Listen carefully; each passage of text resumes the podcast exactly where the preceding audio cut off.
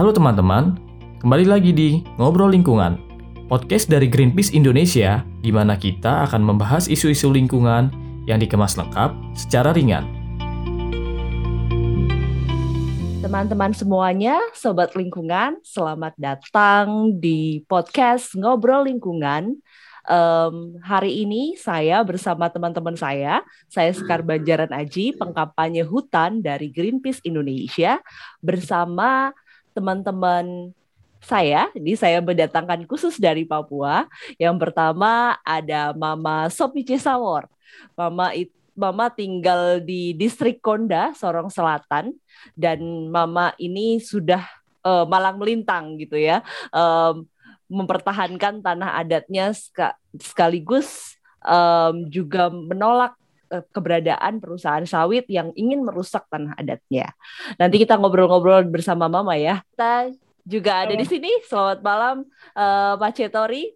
Ini adalah pembicara kedua kita, Pak Cetori Kalami. Uh, Pak Cetori ini adalah salah satu tokoh pemuda adat Moi dari Sorong juga yang juga kurang lebih sama kisahnya seperti um, Mama Sopi tadi memperjuangkan tanah adat dari um, perusahaan sawit yang ingin masuk ke daerahnya.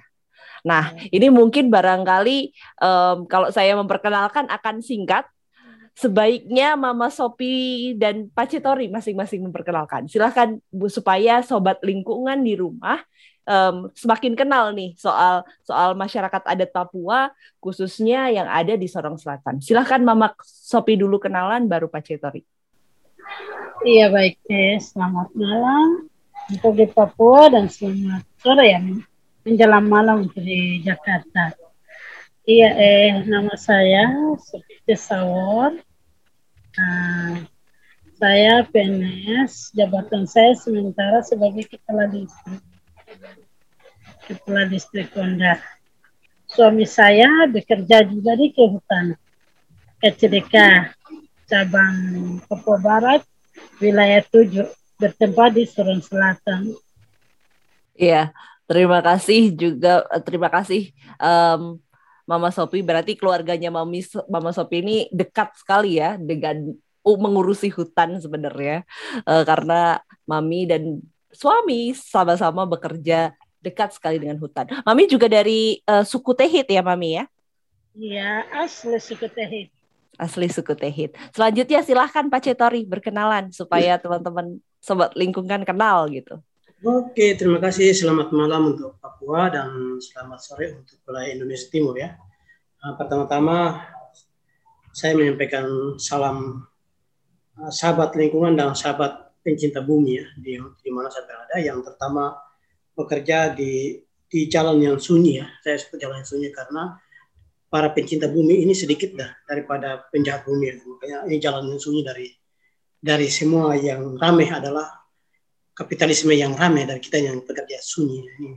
Terima kasih atas pen, uh, telah mengikuti diskusi kami yang tidak jauh berbeda dengan perjuangan teman-teman di belahan bumi terkait dengan bumi, bagaimana penyelamatan terhadap bumi. Dan kebetulan tahun ini uh, PBB uh, telah mencanangkan restorasi ekosistem. Jadi ekosistem menjadi harus menjadi tidak hanya sebatas kampanye ya, harus menjadi implementasi dalam dalam semua kebijakan ya, baik itu di tingkat nasional atau di tingkat daerah. Dan saya Tori Kalami dari suku Moi ada di Kabupaten Sorong. Uh, suku Moi ini ada terbagi atas 8 sub-suku dan uh, sebagai pemuda yang menggerakkan mengorganisasi kelompok-kelompok di Papua Barat terus di Kabupaten Sorong dan menginisiasi menginisiasi ide-ide baru untuk uh, untuk membandingkan ter, kebijakan pemerintah terkait dengan uh, pengelolaan hutan menurut pemerintah dan apa kebijakan hutan, ya, pengelolaan hutan menurut masyarakat adat itu. Gitu. Kami mencoba memulai dengan hal itu yang mungkin begitu. Terima kasih atas uh, proses yang baik ini. Semoga bagian ini menjadi alat uh, komunikasi penting kepada dunia bahwa ada sedikit orang yang peduli dan perlu didukung. Mungkin itu. Terima kasih. Terima kasih Pak Cetori. Mungkin uh, kita kemudian ke pertanyaan pertama dulu ya Pak Cisori, to, uh, Tori dan juga Mama Sopi. Um, kira-kira nih Uh, mungkin saya tahu perjalanannya sangat panjang gitu ya uh, pemuda adat Moi dan juga suku Tehit gitu ya mempertahankan tahat, uh, tanah adatnya wilayah adatnya tapi kemudian mungkin bisa diceritakan ke teman-teman sobat lingkungan yang mendengarkan acara ini kira-kira uh, bagaimana selama ini uh, perjuangan Pace dan Mama bersama kawan-kawan uh, masyarakat adat lainnya dalam memperjuangkan hutan adat um, atau tanah adat atau wilayah adat um, dan kemudian menolak kedatangan sawit di Papua.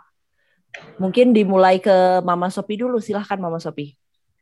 Iya, eh, 2013 mereka sosialisasi, sosialisasi awal dan mereka rencanakan untuk akan kembali lagi tapi bersama masyarakat ada toko-toko untuk duduk tikar ada.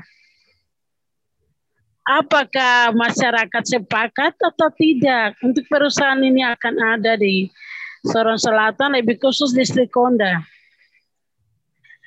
Tunggu-tunggu masyarakat pada tahun 2015 perusahaan yang bersangkutan ini tidak duduk duduk tikar ada dengan masyarakat. Mereka langsung dengan pemerintah daerah, langsung de, de, de, mereka sidang amdal.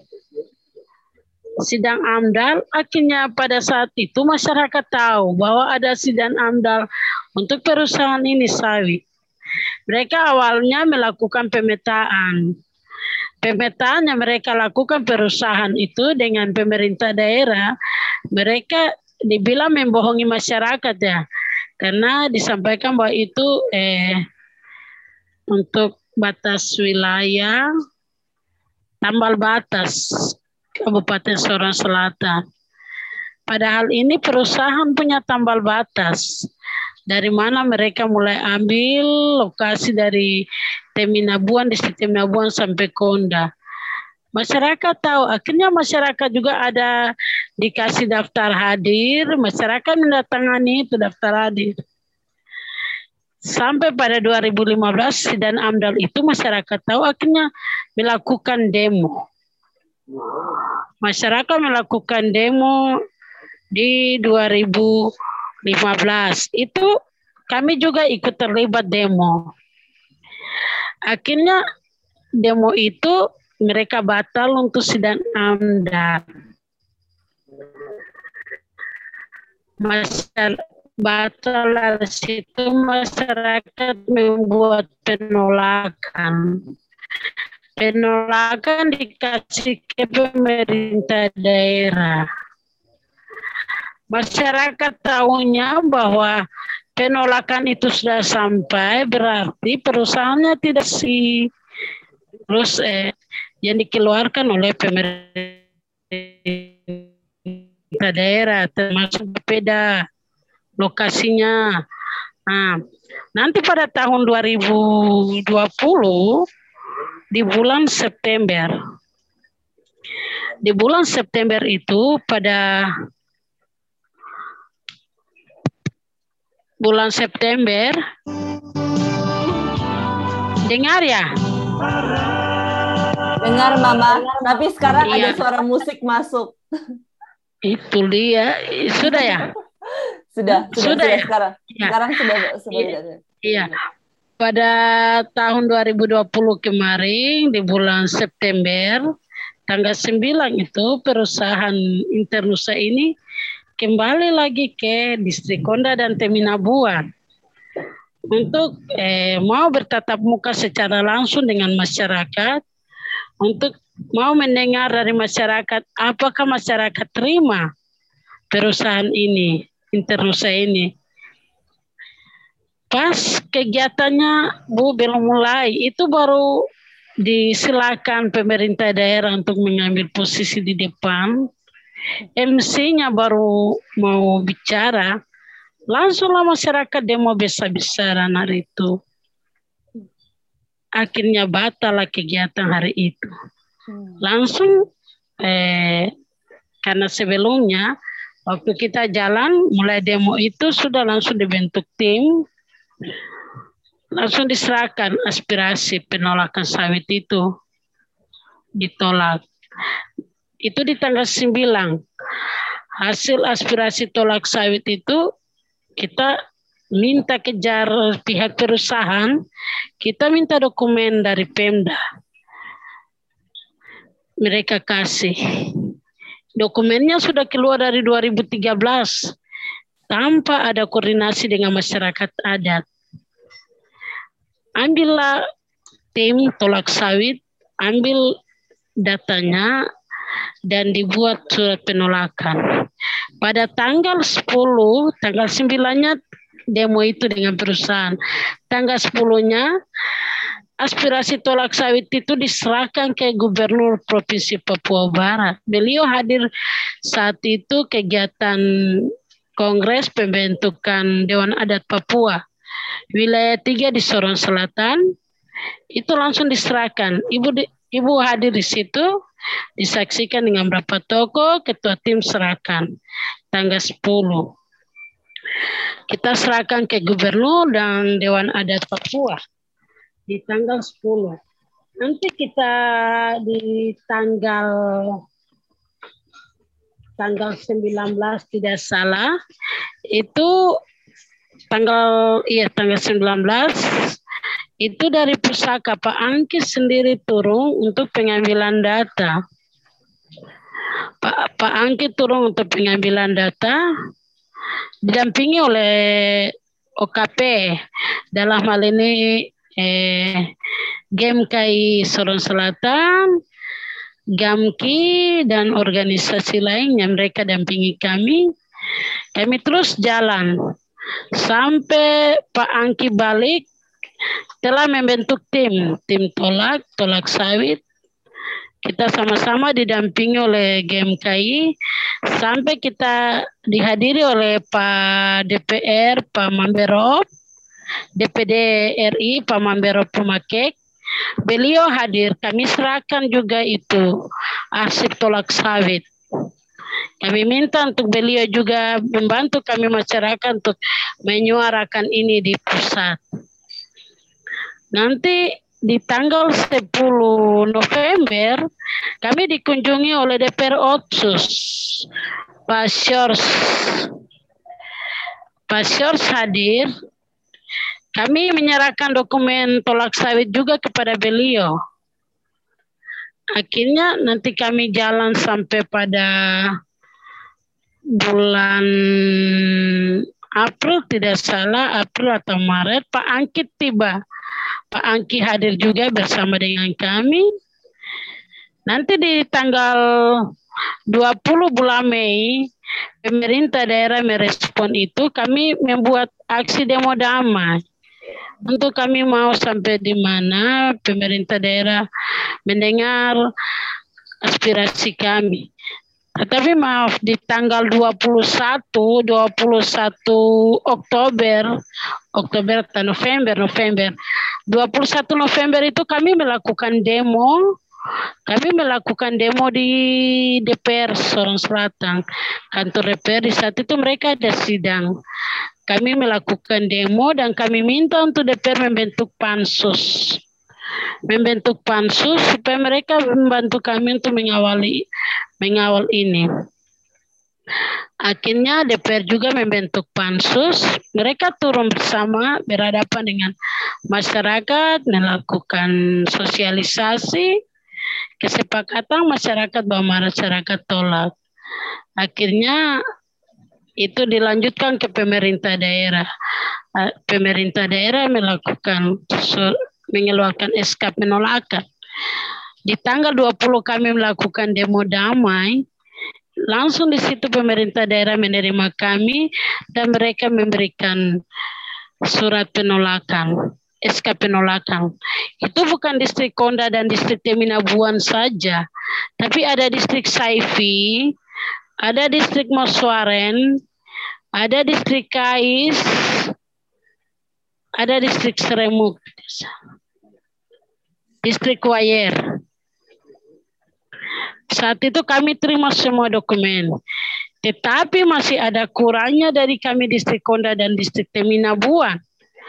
di kami punya SK itu ada satu poin yang belum dicantumkan terkait dengan perpanjang kontrak kemarin perpanjang kontrak dari pemerintah daerah kepada perusahaan Anugerah Sakti Internusa itu di tanggal 20 September itu ada perpanjang kontrak dari pemerintah daerah.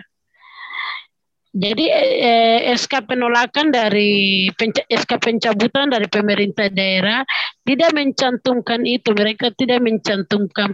Mereka mencabut itu perpanjang kontrak di tanggal 20 September kemarin. Iya demikian itu yang mungkin kami bisa sampaikan. Terima kasih. Terima kasih Ma, uh, Mama Sopi. Uh, berarti kita dari cerita Mama Sopi kita tahu ya Mama bahwa um, waktu itu sosialisasi masyarakat diminta untuk hadir, tapi kemudian um, tanda tangannya gitu ya diselewengkan ke per, uh, perusahaan. Iya. Di itu dianggap sebagai mereka masyarakat setuju, padahal iya, masyarakat iya, iya mengira itu adalah tanda tangan hadir saat sosialisasi. Nah, iya. itu ini buat teman-teman sobat lingkungan mungkin harus belajar ini Sopi Mama Sopi bahwa yang dialami masyarakat ada tuh banyak sekali penipuannya. Salah satunya seperti yang dialami nah. Mama Sopi dan kawan-kawan. Um, iya. Dan juga tadi walaupun sudah ada pencabutan gitu ya SK pencabutan izin tapi ternyata ada satu poin yang lulu, luput di sini dan ini mungkin masih sampai sekarang masih terus ditagih sama teman-teman uh, bersama Mama Sopi ya. Iya. Nah, sekarang kita beralih ke ceritanya uh, Pak Cetori. Uh, kalau Pak Cetori bagaimana selama ini cerita perjuangannya ini Pak Cetori? Pada sih saya yakin um, berbeda dengan apa perjuangan Mama. Oke, baik. Terima kasih. Selamat malam untuk Papua dan selamat sore untuk Indonesia Barat, sahabat lingkungan di Indonesia dan di seluruh bumi ya, yang mencintai ke keberlanjutan terhadap ekosistem di bumi ini. Uh, saya uh, dari saya mungkin cerita dulu apa feedback ke belakang terkait dengan apa apa yang ada di kami, apa yang kami kerjakan terus kemudian bagaimana kelukisannya. Jadi uh, pertama uh, saya harus bercerita tentang sejarah kenapa itu kelapa sawit ada di ada di Papua dan di Sorong dan hampir di seluruh Papua. Uh, sebenarnya ini saya bicara ini kita kembali lagi membuka lembaran-lembaran yang mungkin akan menjadi referensi besar kita. Nah, pertama, saya coba melihat itu dari apa ancaman investasi ya, investasi di di di yang di Indonesia dan mungkin di Papua secara khusus itu sudah ada di Sorong Selatan dan tadi Ibu sudah sampaikan dan yang ada di Kabupaten yeah. Sorong. Nah, jadi nah, kita semua tahu bahwa Papua Barat ini Kabupaten Sorong itu ada di Semenanjung West Papua. Ya. Mereka ada di garis depan Papua dan itu merupakan apa nih arus pergerakan manusia dan itu pasti akan akan akan kena dampak secara langsung baik itu investasi jasa orang dan segala macam. Terjadi itu terjadi ada arus yang berputar di depan. Jadi uh, tahun 19 1910 itu sebenarnya sejarahnya dari situ saya cerita sejarah. Tahun 1910 itu cikal bakalnya investasi kalau teman-teman bisa baca itu di apa di NNGPM. NNGPM itu salah satu perusahaan perusahaan minyak Belanda yang memang melakukan investasi di tahun-tahun itu. Jadi tahun 1910 itu NNGPM sudah ada. Itu Indonesia belum merdeka itu. Bayangkan Indonesia belum merdeka. Itu sudah ada. Kemudian nanti tahun 1923 baru terjadi terjadi eksplorasi pertama oleh NNGPM dari 1923 sampai 45 Indonesia merdeka. Ya. Indonesia merdeka terjadi perubahan di situ. NGP mulai menjual saham ke namanya PN Pertamina. Pertamina. Setelah itu Pertamina itu sebenarnya punya, belum punya hak untuk mengelola minyak di Sorong misalnya. Kenapa belum punya hak? Karena Indonesia belum Papua belum waktu itu belum di, diakui masuk dalam industri baru 1969. Jadi secara langsung itu sektor sektor investasi itu mengancam. Jadi kita belum negara baru merdeka, ancaman investasi sudah ada.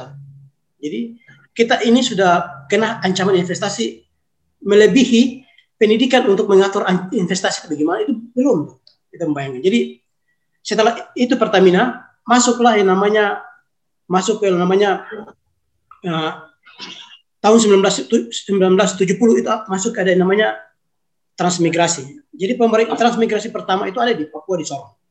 Di Sorong. Jadi setelah transmigrasi masuk lagi perusahaan kayu. Jadi ini nanti saya ceritain. Perusahaan kayu lok dan segala macam. Kemudian tahun di tahun 2024 itu eh, 2004 kemarin kita setelah oleh Pak Presiden SBY itu ya terjadilah operasi hutan lestari dan segala macam. Nah, bagi saya sebenarnya itu melihat melihat ini suatu kompleks yang cukup besar. Ya, kompleksitas dari investasi yang merubah nama tapi ancamannya ada subjeknya ada di masyarakat adat. Tanah mereka jadi sasaran. Ini subjeknya, objeknya di situ. Objek ada tanah masyarakat. Uh, di bawah tahun 2000 ke atas, baru kelapa sawit mulai gencar. itu artinya bahwa ada peralihan-peralihan investasi, baik itu dalam bentuk langsung bahkan tidak langsung, misal izin dan perubahan segala macam. Tujuan mereka sebenarnya itu sebenarnya bagi saya itu saya ada lihat itu ke depan itu ada ada semacam apa ya ada semacam penguasaan penguasaan lahan adat ya tanah adat gitu. pasti kayu akan habis kelapa sawit akan habis terakhir mereka akan klaim tanah adat itu begitu nah, itu jadi sejarah panjang itu membuat kita itu belajar sangat belajar dan mengikuti ritme yang ada nah, di tahun di tahun 2000 2008 jatuhnya pemerintah Soeharto itu suku Moi mulai mulai ambil masuk di ruang itu. Pada umumnya hampir seluruh wilayah Moi yang ada di Raja Ampat, ada di Sorong Selatan, sebagian Sorong Selatan ya, sebagian masuk ke ini, sebagian Tambrau, sebagian Kota Sorong, Kabupaten Sorong itu mereka mulai mengamuk dan menutup beberapa perusahaan. Gitu. Nah, perusahaan. Nah, di situlah kebangkitan pertama di 2008. Eh, 98 itu, tahun 98 Soeharto. Pas ya. Nah, kira-kira itu yang apa ini memotivasi ancaman ini investasi tadi itu membuat kami ini belajar penuh sekali begitu. Jadi misalnya kalau ada kabupaten baru yang di luar dari Kabupaten Sorong itu kena ancaman itu bagi saya itu perlu dipertanyakan. Kenapa? Kami cukup jadi pelajaran berharga lah dari masa yang panjang itu. Begitu kira-kira. Nah, berikut uh, kami sendiri uh, di tahun 2000 2014 kami coba mendorong regulasi. Uh, karena prinsipnya masyarakat kami itu begini kalau kalau ada bupati atau anggota DPR yang hanya dalam kampanye politik menjanjikan mem, apa nih mampu melaksanakan mandat rakyat itu kalau tidak dibuktikan dengan suatu regulasi yang cukup itu tidak bisa. Indikatornya tidak bisa diukur tuh. Saya akan memimpin masyarakat dan bantu masyarakat. Itu indikatornya apa? Legal standingnya di mana? Tidak ada. Kalau tidak ada regulasi yang berpihak. Maka di 2014 itu kami dorong namanya perda Perda Pengak Perda Pengakuan dan Perlindungan Masyarakat Umum di Kabupaten Sorong 2014. Jadi kami menginisiasi perda itu itu perda pertama kali di Papua itu dalam sejarah belum ada di kabupaten lain. Kami yang menginisiasi perda pertama. Nah, kenapa? Itu akan menjadi menjadi apa ini? Rambu kita bersama loh. Pemerintah bisa ada ada batasan yang bisa ada lampu merah dia stop, ada lampu hijau di jalan. Jadi begitu itu itu posisi kami. Jadi posisi masyarakat adat itu harus dibuktikan keberpihakannya tuh real harus harus dibuktikan dengan suatu regulasi yang yang minimum berpihak kepada masyarakat. Tidak bisa kita bicara saya ini karena putra asli Moi misalnya, jadi saya tidak bisa tidak sebatas itu karena uh, regulasi ini ada regulasi di atasnya. Jadi kita butuh ada regulasi di bawah yang minimum masir kebijakan-kebijakan dari daerah. Uh, tahun 2014 2014 itu kami menginisiasi perda. Kebetulan waktu itu saya ada di parlemen waktu itu ya saya bawa itu perda dengan sendiri dan saya atur sistem di dalam masuk masuk sampai ke uncin dan saya suruh konsultasi dan itu mungkin pertama kali dalam sejarah uh, regulasi di ini. Kemudian dari perda itu ya kami menginisiasi untuk masyarakat harus memulai me, apa menerjemahkan isi perda itu dalam dalam kegiatan yang konkret ya salah satunya yang kami lakukan ya saya kebetulan mengorganisir satu ya, kelompok kampung ya yang kapasitasnya hanya eh, hanya ada lima kampung ya. Nah, oh iya, sebelumnya itu pemerintah Kabupaten Sorong itu telah menyiap punya perda. Tadi saya sebelum perda, tapi berani mencabut izin sebelum tahun 2021 kemarin. Di tahun 2020 itu telah mencabut izin pertama, itu Mega Mustika PlayStation.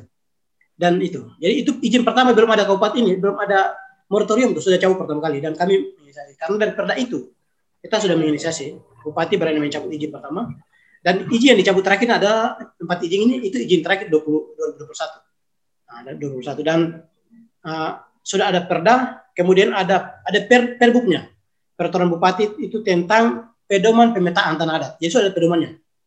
Jadi ada pedomannya. Jadi apa mau membuktikan bahwa pemerintah serius ada regulasi yang berpihak. Itu dulu. Jadi itu, jadi sudah ada pedomannya, pedoman tentang pemetaan batas tanah adat. Jadi pedoman sudah ada. Nah, dari itu ya kami di kelompok muda yang saya organisir ya, hmm.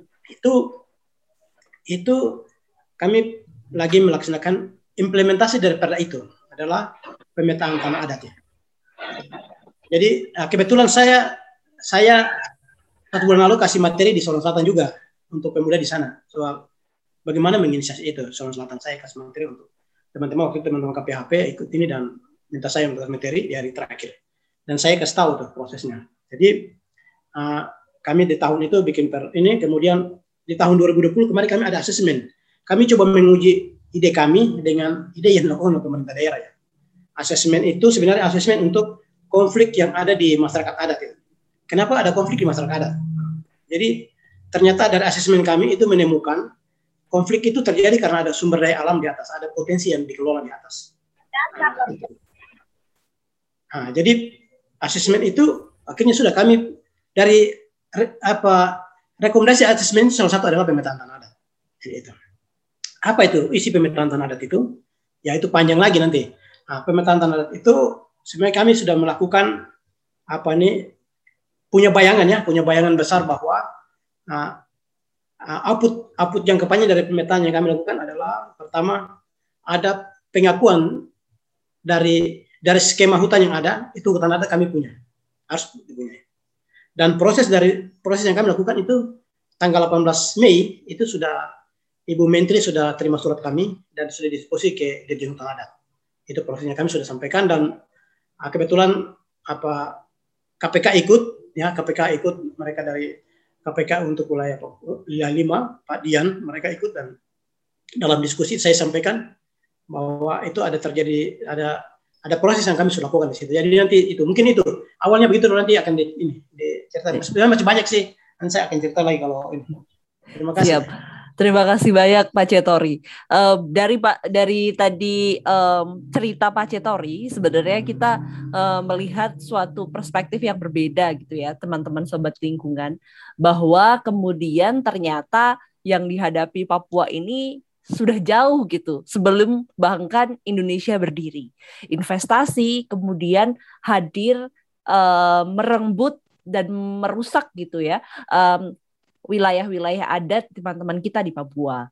Dan di sisi yang lain adalah uh, perjuangan masyarakat adat kemudian uh, barangkali bisa bisa dibuat sederhana atau mungkin terlihatnya sederhana gitu dengan demo-demo saja. Tapi apa yang kemudian Pace Tori tadi sampaikan, sobat lingkungan, itu sudah mengajarkan kita bahwa masyarakat adat itu sekarang sudah cukup maju ya Pak Cetori untuk kemudian memahami bahwa mereka tidak bisa semata diam saja gitu. Mereka harus merebut haknya lewat salah satunya memperjuangkan peraturan daerah gitu. Dan e, selamat gitu ya saya ucapkan gitu. Kami ikut turut senang gitu tentang pencapaian Mama Sopi dan juga Pak Cetori bahwa kemudian bupati sudah bersedia mencabut izin. Nah, ini posisinya sekarang e, bupati e, sudah mencabut beberapa izin gitu. E, dan kemudian pertanyaan saya selanjutnya gitu ya ke ke Mama Sopi dan juga ke Pak Cetori, um, setelah pencabutan izin itu seperti apa um, kondisi yang ada di masyarakat sekitar gitu. Um, apakah kemudian pencabutan ini sudah uh, menjawab semua yang diinginkan oleh um, masyarakat sekitar? Karena kita tahu sendiri sebenarnya teman-teman um, pencabutan izin ini salah satu dasarnya itu adalah impres moratorium sawit. Um, yeah. Tadi sebelum sebenarnya kalau tadi dari cerita Pak Cetori kita tahu bahwa sebelum ada impres moratorium sawit, teman-teman di Papua khususnya beberapa bupati itu sudah mulai mencabut izin itu karena um, merasa bahwa perusahaan ini gitu tidak menguntungkan untuk daerahnya. Tapi sebenarnya saya ingin tahu itu dulu, Pak C dan Mama. Mungkin ke Mama dulu. Setelah pencabutan izin itu bagaimana kondisi teman-teman masyarakat adat di Papua, Mama? Apakah sudah cukup gitu ya ataukah ada yang kurang dan ada yang masih diperjuangkan? Halo oh. Mama, bisa bisa oh. diulang tadi suaranya menghilang. Iya, eh di sini pas lampunya padam, cuaca hujan, hujan deras sekali. Jadi jaringannya kurang bagus. Iya, eh, setelah SK pencabutannya masyarakat terima, masyarakat ya dibilang senang, mereka aman, tetapi masih ada kata tetapi yang masyarakat inginkan kepada pemerintah daerah, pemerintah daerah dalam hal ini bupati dan dinas terkait lainnya, serta DPRD Kabupaten Sorong Selatan agar eh, segera membuat perda perda perlindungan hak masyarakat adat di Sorong Selatan. Dan pemerintah daerah juga kembali melihat SK pencabutan kemarin karena salah satunya itu belum tertera di dalam SK ini. Yang tadi ada perpanjang kontrak perusahaan ini pada tanggal 20 September 2020 itu harus pemerintah daerah merubah SK ini secepatnya revisi. Dan harapan kami untuk lembaga pusaka, Greenpeace, dan KPK untuk terus membantu kami untuk mengawal SK ini karena belum selesai dibilang belum selesai karena satu agenda satu yang itu perpanjang kontrak itu belum termuat di dalam SK ini, SK pencabutan. Jadi dibilang kita bilang mau bilang final juga bisa, tidak juga bisa karena satunya belum ini belum dicantumkan.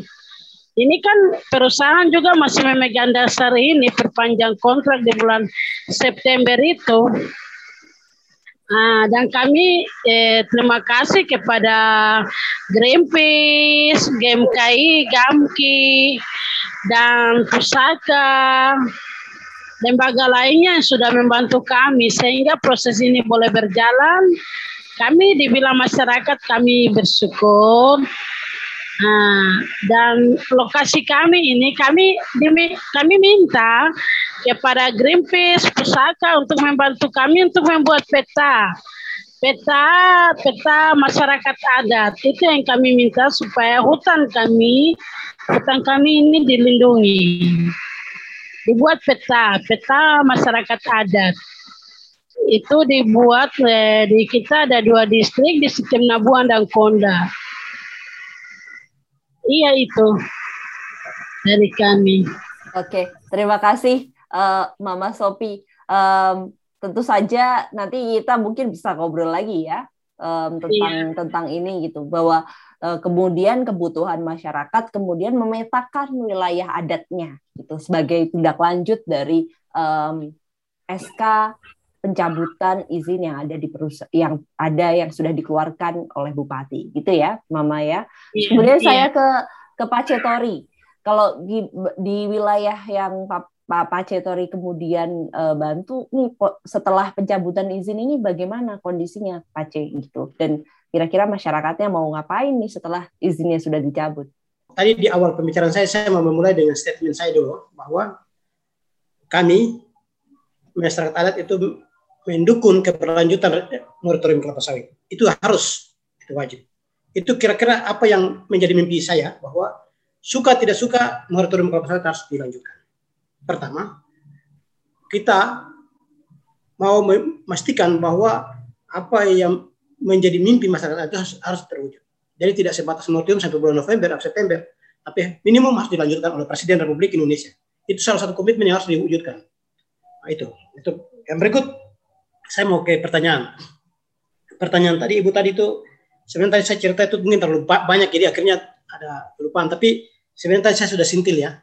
Jadi saya sudah bicara tadi awal bahwa setelah pencabutan izin bagaimana kondisi masyarakat di Papua sekarang ini ya sebenarnya. sebenarnya ada orang banyak bilang ini dengan saya ini orang yang pesimis ya. Orang banyak bilang masyarakat adat itu kaya ya di Papua kaya. Kaya. Saya bilang mereka tidak kaya. Yang kaya itu yang punya izin yang peta peta yang yang punya izin-izin itu yang punya kaya. Masyarakat itu hidup biasa-biasa. Biasa-biasa. Nah, itu. Ah, kemudian bagaimana situasi izin coba hari ini? Nah, saya ini orang yang setiap hari mau bicara soal ketakutan saya terhadap terhadap uh, izin yang dicabut itu kawasan ini wilayah di mana izin dicabut itu ketakutan saya begini ketakutan saya itu uh, saya takut kemudian ada izin baru yang masuk saya takut ada izin baru yang masuk itu itu sudah bayangan saya mimpi jahat saya pasti ada ke sana karena mereka pasti gagal dengan perencanaannya pasti akan menggunakan cara lain untuk izin baru yang masuk. Makanya kenapa saya tadi menyatakan bahwa saya orang yang kami masyarakat tadi mendukung res, mendukung sekali moratorium sawit di Papua. Karena cukup agak membantu, membantu mendorong regulasi yang lain. Uh, setelah pencabutan kelapa sawit ini, kami sudah sebenarnya sudah bikin sudah punya proses pemetaannya jalan. Bukan hanya pemetaan, karena itu menjadi kita memetakan wilayah adat itu petanya selesai, tapi kita harus bikin perencanaan di hutan adat kami masing-masing. Bagaimana prosesnya? Ya itu yang sama cerita. Jadi setelah ini cabut ini, semua orang bilang, oh izinnya cabut, izinnya sudah selesai, kita aman. Aman dari sisi mana? Bagi saya tidak aman itu. Bisa ditunjukkan aman? Tidak aman. Bisa kemungkinan ada izin baru masuk.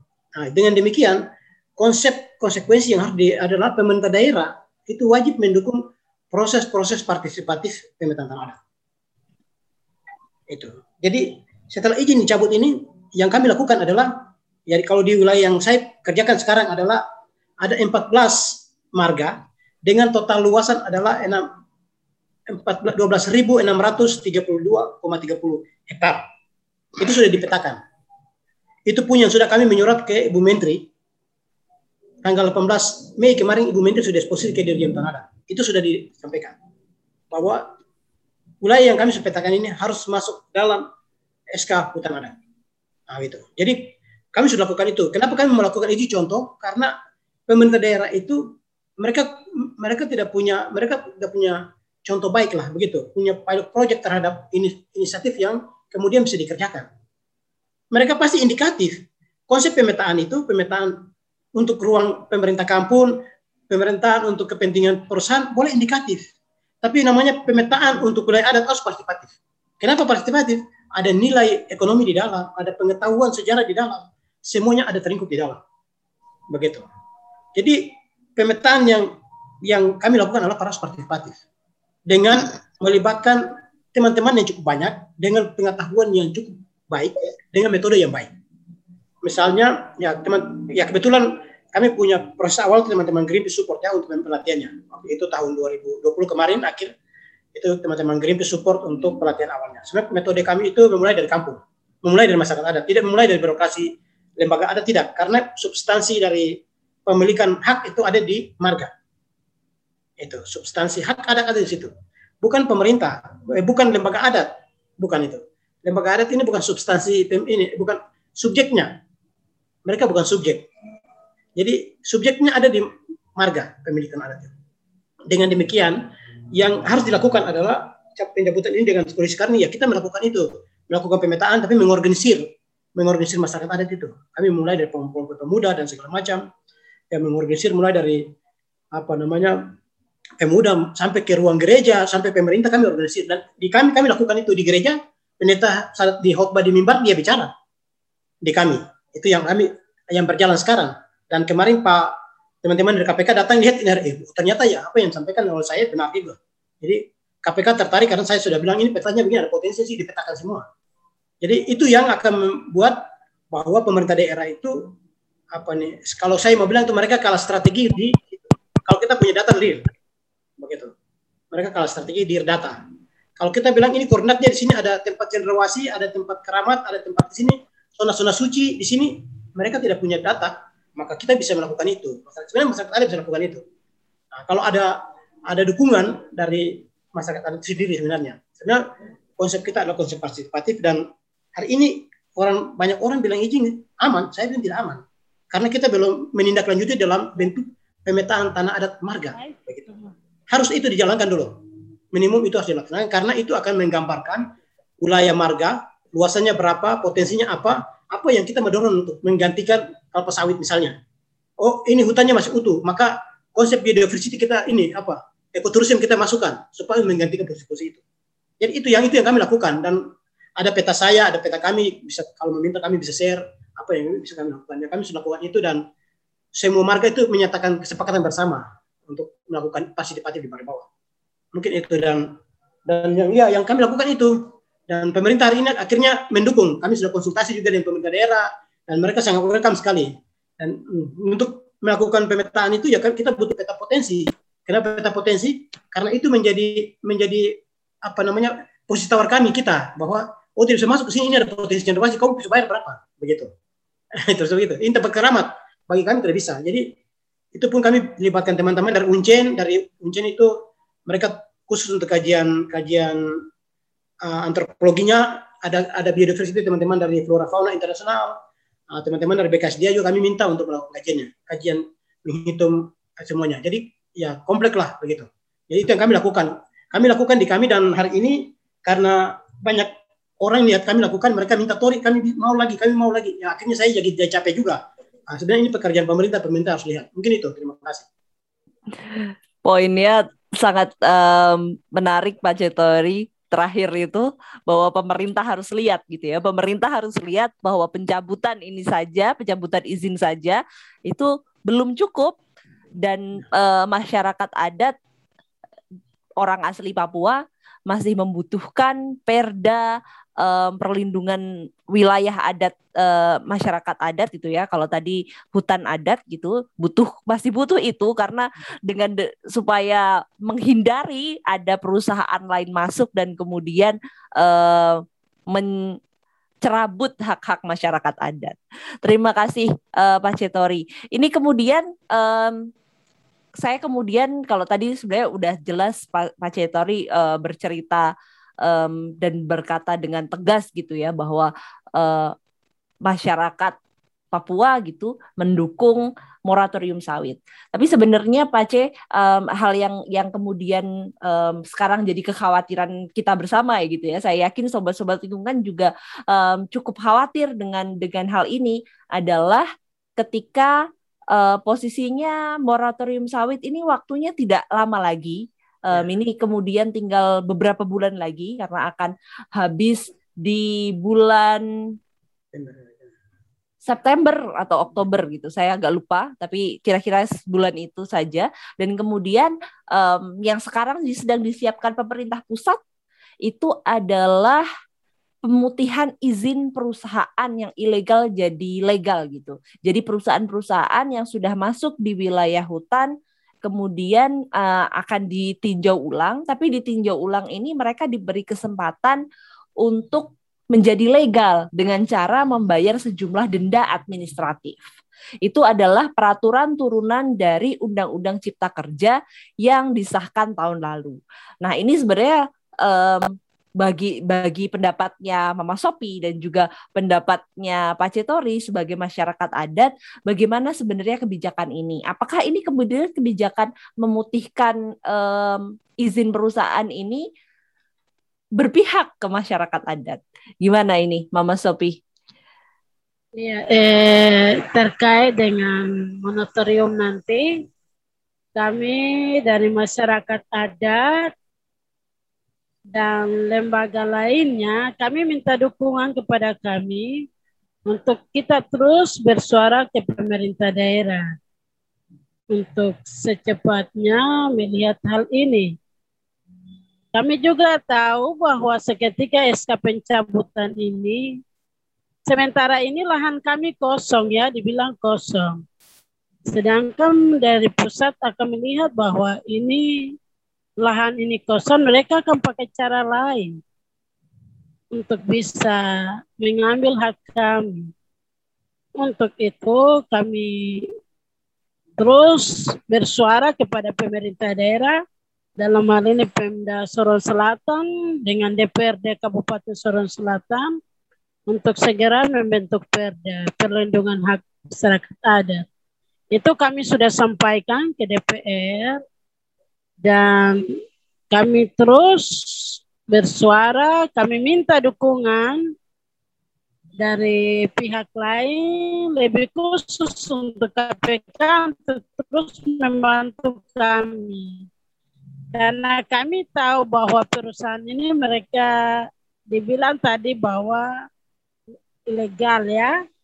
Jadi kami terus untuk mendampingi masyarakat adat supaya jangan itu terulang lagi. Karena kami lihat bahwa kami punya hutan sangat sempit. Kita berpikir untuk generasi ke depan. Sehingga ini jangan terulang lagi. Jangan terulang. Kalau bisa pemerintah daerah melihat eh, ada apa investor apa yang tidak merugikan masyarakat. Ya, intinya kami tetap tolak namanya perusahaan untuk sawit kami tetap tolak. Iya. Terima kasih Mama Demikian. Sophie. Iya. Um, intinya adalah tadi ya Mama Sopi salah satunya masyarakat adat memperjuangkan ini salah satunya untuk generasi mendatang gitu untuk generasi adat Papua ke depan gitu kalau menurut Pak Cetori seperti apa Pak Cetori um, adanya sebentar lagi sudah mau habis tentu saja si moratorium dan dan akan ada kebijakan sekarang sudah ada kebijakan baru ini yang akan mungkin menggantikan kebijakan moratorium uh, tentang kebijakannya memutihkan gitu tanah-tanah um, ilegal menjadi yang menjadi legal. Menurut Pak Cetori seperti apa? Ya, ini saya bicara untuk konteks Papua ya. Konteks Papua ini apa namanya? Uh, ya otsus ini sudah habis tapi ada yang mau otsus lagi, terus ada yang tidak mau dan pertarungan kita di situ. Jadi eh, sebenarnya itu bagi kabupaten-kabupaten yang belum ya belum melaksanakan perda perda nomor perda untuk pengakuan itu sangat rentan sekali saya lihat sangat rentan uh, misalnya seperti konteks Sorong Selatan ya saya satu bulan lalu saya di Sorong Selatan saya diskusi dengan beberapa masyarakat kemudian dalam pelatihan itu mereka saya kebetulan bawa materi saya bilang kalau ada DPR-nya orang asli terus tidak ada regulasi itu artinya DPR-nya hanya cari makan itu kenapa keberhasilan DPR itu diuji itu ukurannya indikatornya jelas ada regulasi. Begitu. Kalau tidak ada inisiatif itu DPR-nya tidak mampu dalam suatu pemerintahan. Jadi kalau karena Sorong Selatan itu 95 persen itu anak asli di sana. Nah, itu beda dengan Kabupaten Sorong kami dan pengalaman kami itu beda 50-50 dan itu apa kebijakannya kebijakan produktif dan berbahaya dan itu. Nah, kami lagi berbicara untuk mungkin tanggal hari Senin tanggal 9 itu kami ada rapat untuk kebetulan saya yang apa namanya speaker untuk rapat teman-teman untuk Papua Barat, untuk teman-teman NGO, untuk Papua Barat seluruhnya, dan kita akan mau bedah Perdasus, Perdasus nomor, nomor 9 tahun 2019 itu. Isi Perdasus itu sebenarnya kami mau larinya ke, mau desak ke kabupaten-kabupaten yang belum ada perda. Jadi sebenarnya kami rencana tanggal 9 itu, kami ada bedah Perdasus nomor 9 tahun 2019 itu sebenarnya itu output dari bedah perdasus itu mau mendorong kamu apa nih perbub eh, pergub peraturan gubernur pada kabupaten-kabupaten yang belum ada perda gitu. sebenarnya itu jadi sebenarnya saya lihat itu ada ada ada pembiaran yang dilakukan oleh negara pemerintah wakil pemerintah mewakili negara ya karena mereka mendapat legitimasi untuk kebijakan jadi saya bilang negara karena mereka mewakili pemerintah itu terhadap ancaman yang berlanjut. Mereka tidak mampu menginisiasi konteks atau metode-metode yang baik pada masyarakat. Misalnya food estate. Food estate ini kemudian pemerintah tidak mampu, OPD terkait tidak mampu menginisiasi konsep food estate di masyarakat itu seperti apa. Dan itu yang kalanya di situ karena itu mereka ini tidak punya kemampuan sedikit pun untuk menginisiasi metode baru melawan suatu regulasi yang besar. Jadi untuk melawan regulasi yang besar itu kita minimal punya metode, kita punya sistem. Sistem sistem itu harus berjalan. Kalau misalnya tidak berjalan, berarti metodologinya salah. Harus dievaluasi metodologinya. Begitu. Jadi itu yang saya lihat pemerintah itu ada pembiaran dan bagi saya mereka tidak mampu untuk itu. Jadi mereka tidak pernah bertanya ada masyarakat ada punya ide mungkin saya bisa bertanya ide saya begini tapi tidak pernah bertanya jadi ya sudah kita mungkin salah satunya adalah regulasi tadi adalah Perdasus di Perdasus Provinsi Papua Barat itu nomor 9 tahun 2019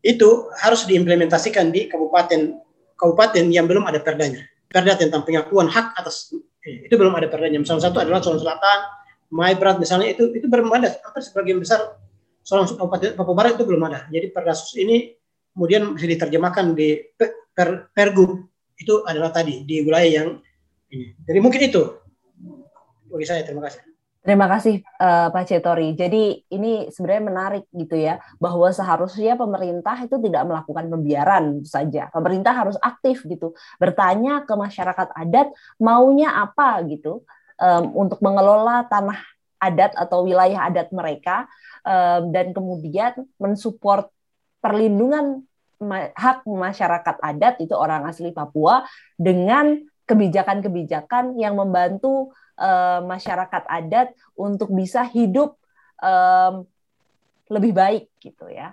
Jadi ini adalah um, pesan yang sangat menarik uh, Pak Cetori dan ini kita sudah masuk ke pertanyaan terakhir uh, Mama Sopi dan juga Pak Cetori. Um, banyak sekali tadi kami sudah mendengarkan cerita sobat lingkungan pasti kayak setelah ini akan mencoba mencari tahu lagi hutan Papua seperti apa, masyarakat adat Papua seperti apa dan kemudian bagaimana perjuangan uh, Mama Sopi dan juga Pak Cetori. Tapi ini kita udah sampai di penghujung gitu ya, di pertanyaan terakhir. Sebentar lagi Pak C, tanggal 9 Agustus, itu adalah Hari Masyarakat Adat.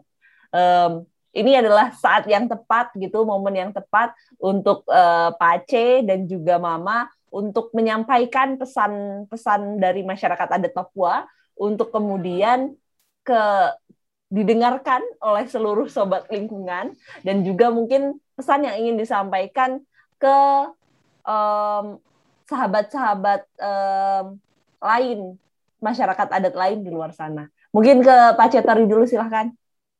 Oke, mungkin saya. Nah, pertama itu uh, sebenarnya pesan yang mau disampaikan kepada masyarakat di luar itu, mimpi kami dari dulu itu ada di tingkat nasional di negara ini harus tadi saya sampaikan dari awal bahwa bukti daripada keberpihakan kepada rakyat itu, masyarakat adat itu, maka harus ada dibuktikan dengan sesuatu yang legal. Maka hari sebentar lagi tanggal 9 Agustus hari masyarakat sedunia. Saya berharap negara, pemerintah Presiden Jokowi dan Menteri Siti Nurbaya serius untuk mengesahkan undang-undang masyarakat adat. Harus mengesahkan undang-undang masyarakat adat. Karena itu baru kita bilang keberpihakan negara jelas. Kita tidak bisa bilang negara itu di atas di atas panggung politik itu tidak bisa. Tidak bisa diuji dan tidak bisa dipegang. Dibawa ke pengadilan negara ini pun tidak akan karena tidak ada tidak ada legal standingnya. Legal standingnya apa itu? Kita di MK 35 itu kemudian keluarlah skema-skema yang menutupi MK 35. Begitu. Maka suka tidak suka, suka mau tidak mau wajib pemerintah harus mengetok palu di negara ini terkait dengan undang-undang masyarakat adat. Itu wajib. Kenapa itu di situ banyak sekali hal dalam. Yang berikut, implementasinya ke daerah wajib kabupaten, provinsi, kota sampai ke tingkat kampung yang adalah perkam peraturan kampung wajib membuat regulasi di tingkat bawah yang harus difasilitasi. Nah, dan itu kita harus paksakan, tidak bisa ditinggalkan. Misalnya saya kasih contoh seorang selatan. Kalau kita bilang ini bupati ini DPR kita sudah sampaikan atau bupati ada kalau tidak ada masyarakat menginisiasi mendorong dalam bentuk draft itu tidak bisa memulai. Pergerakan itu harus dimulai. Pengalaman saya kita bikin perda, saya bikin perda, saya bawa, saya antar, saya paksa. kita harus cuci otaknya DPR bicara. Anda di parlemen sebentar saja, tapi tanahmu tidak ada sebentar selamanya untuk anak cucumu. Saya bicara dengan mereka. Jadi ya hari masyarakat adat ini jadi momen setiap saat ya, tapi masyarakat adat ini belum merdeka atas haknya. Mereka masih terkurung dalam hutan mereka, masih dipenjara dalam tanah adat mereka. Karena itu regulasi harus dibutuhkan. Ya, mungkin begitu. Terima kasih banyak uh, Pak Cetori. Uh, si, sebenarnya kita juga ingin dengar dari Mama Sopi, tapi sepertinya sinyal kurang baik gitu di Papua, jadi Mama Sopi kemudian terlempar. Um, sebenarnya obrolan kita sudah selesai. Um, sobat-sobat lingkungan, sebenarnya cerita dari Pak Cetori dan juga Mama Sopi itu banyak sekali sudah di, diceritakan di uh, media sos media sosial ataupun juga di uh, media-media mainstream lainnya gitu. Salah satunya April 2021 ini Greenpeace Internasional itu meluncurkan laporan yang bertajuk Stop Baku Tipu Sisi Gelap Perizinan di Tanah Papua. Di sana menjelaskan sebenarnya uh, bagaimana dinamika penerbitan izin di Papua perkebunan kelapa sawit dan perkebunan lainnya di Provinsi Papua um, sebagai garis depan ekspansi industri perkebunan yang relatif baru di Papua gitu. Dan itu semua sudah diceritakan gitu bagaimana kemudian um, salah satunya masyarakat adat orang asli Papua uh, berjibaku di antara banyak sekali perusahaan-perusahaan nakal yang ingin merebut tanahnya. Dan tadi um, terima kasih juga Pak Cetori gitu dan Mama Sopi mengingat internet Papua tidak begitu bagus, tapi hari ini tetap bisa mengobrol bersama sobat-sobat lingkungan uh, bersa bersama di podcast Ngobrol Lingkungan. Podcast Ngobrol Lingkungan ini bisa teman-teman um, dengarkan di Spotify dan juga di Google Podcast. Um, dan untuk terakhir kali ini Pace Pace kita mungkin mengucapkan selamat Hari Masyarakat Adat Sedunia buat teman-teman ya buat teman-teman sobat lingkungan di seluruh dunia dan juga um, kita semua mengajak supaya teman-teman untuk terus uh, membantu, mendukung dan juga menjaga uh, masyarakat adat. Karena masyarakat adat telah adalah um, sosok penting dari perlindungan hutan yang ada dan yang tersisa di dunia ini. Um, sekian uh, podcast ngobrol lingkungan di kali ini episode ini. Sampai jumpa di podcast ngobrol lingkungan selanjutnya. Saya Skar Banjararaji bersama Pak Cetori di sini undur diri. Nah, itu tadi bahasan kita. Jangan lupa share Spotify podcast ngobrol lingkungan di media sosial kamu ya, supaya semakin banyak yang dapat sisi positifnya. Sampai bertemu lagi di ngobrol lingkungan selanjutnya.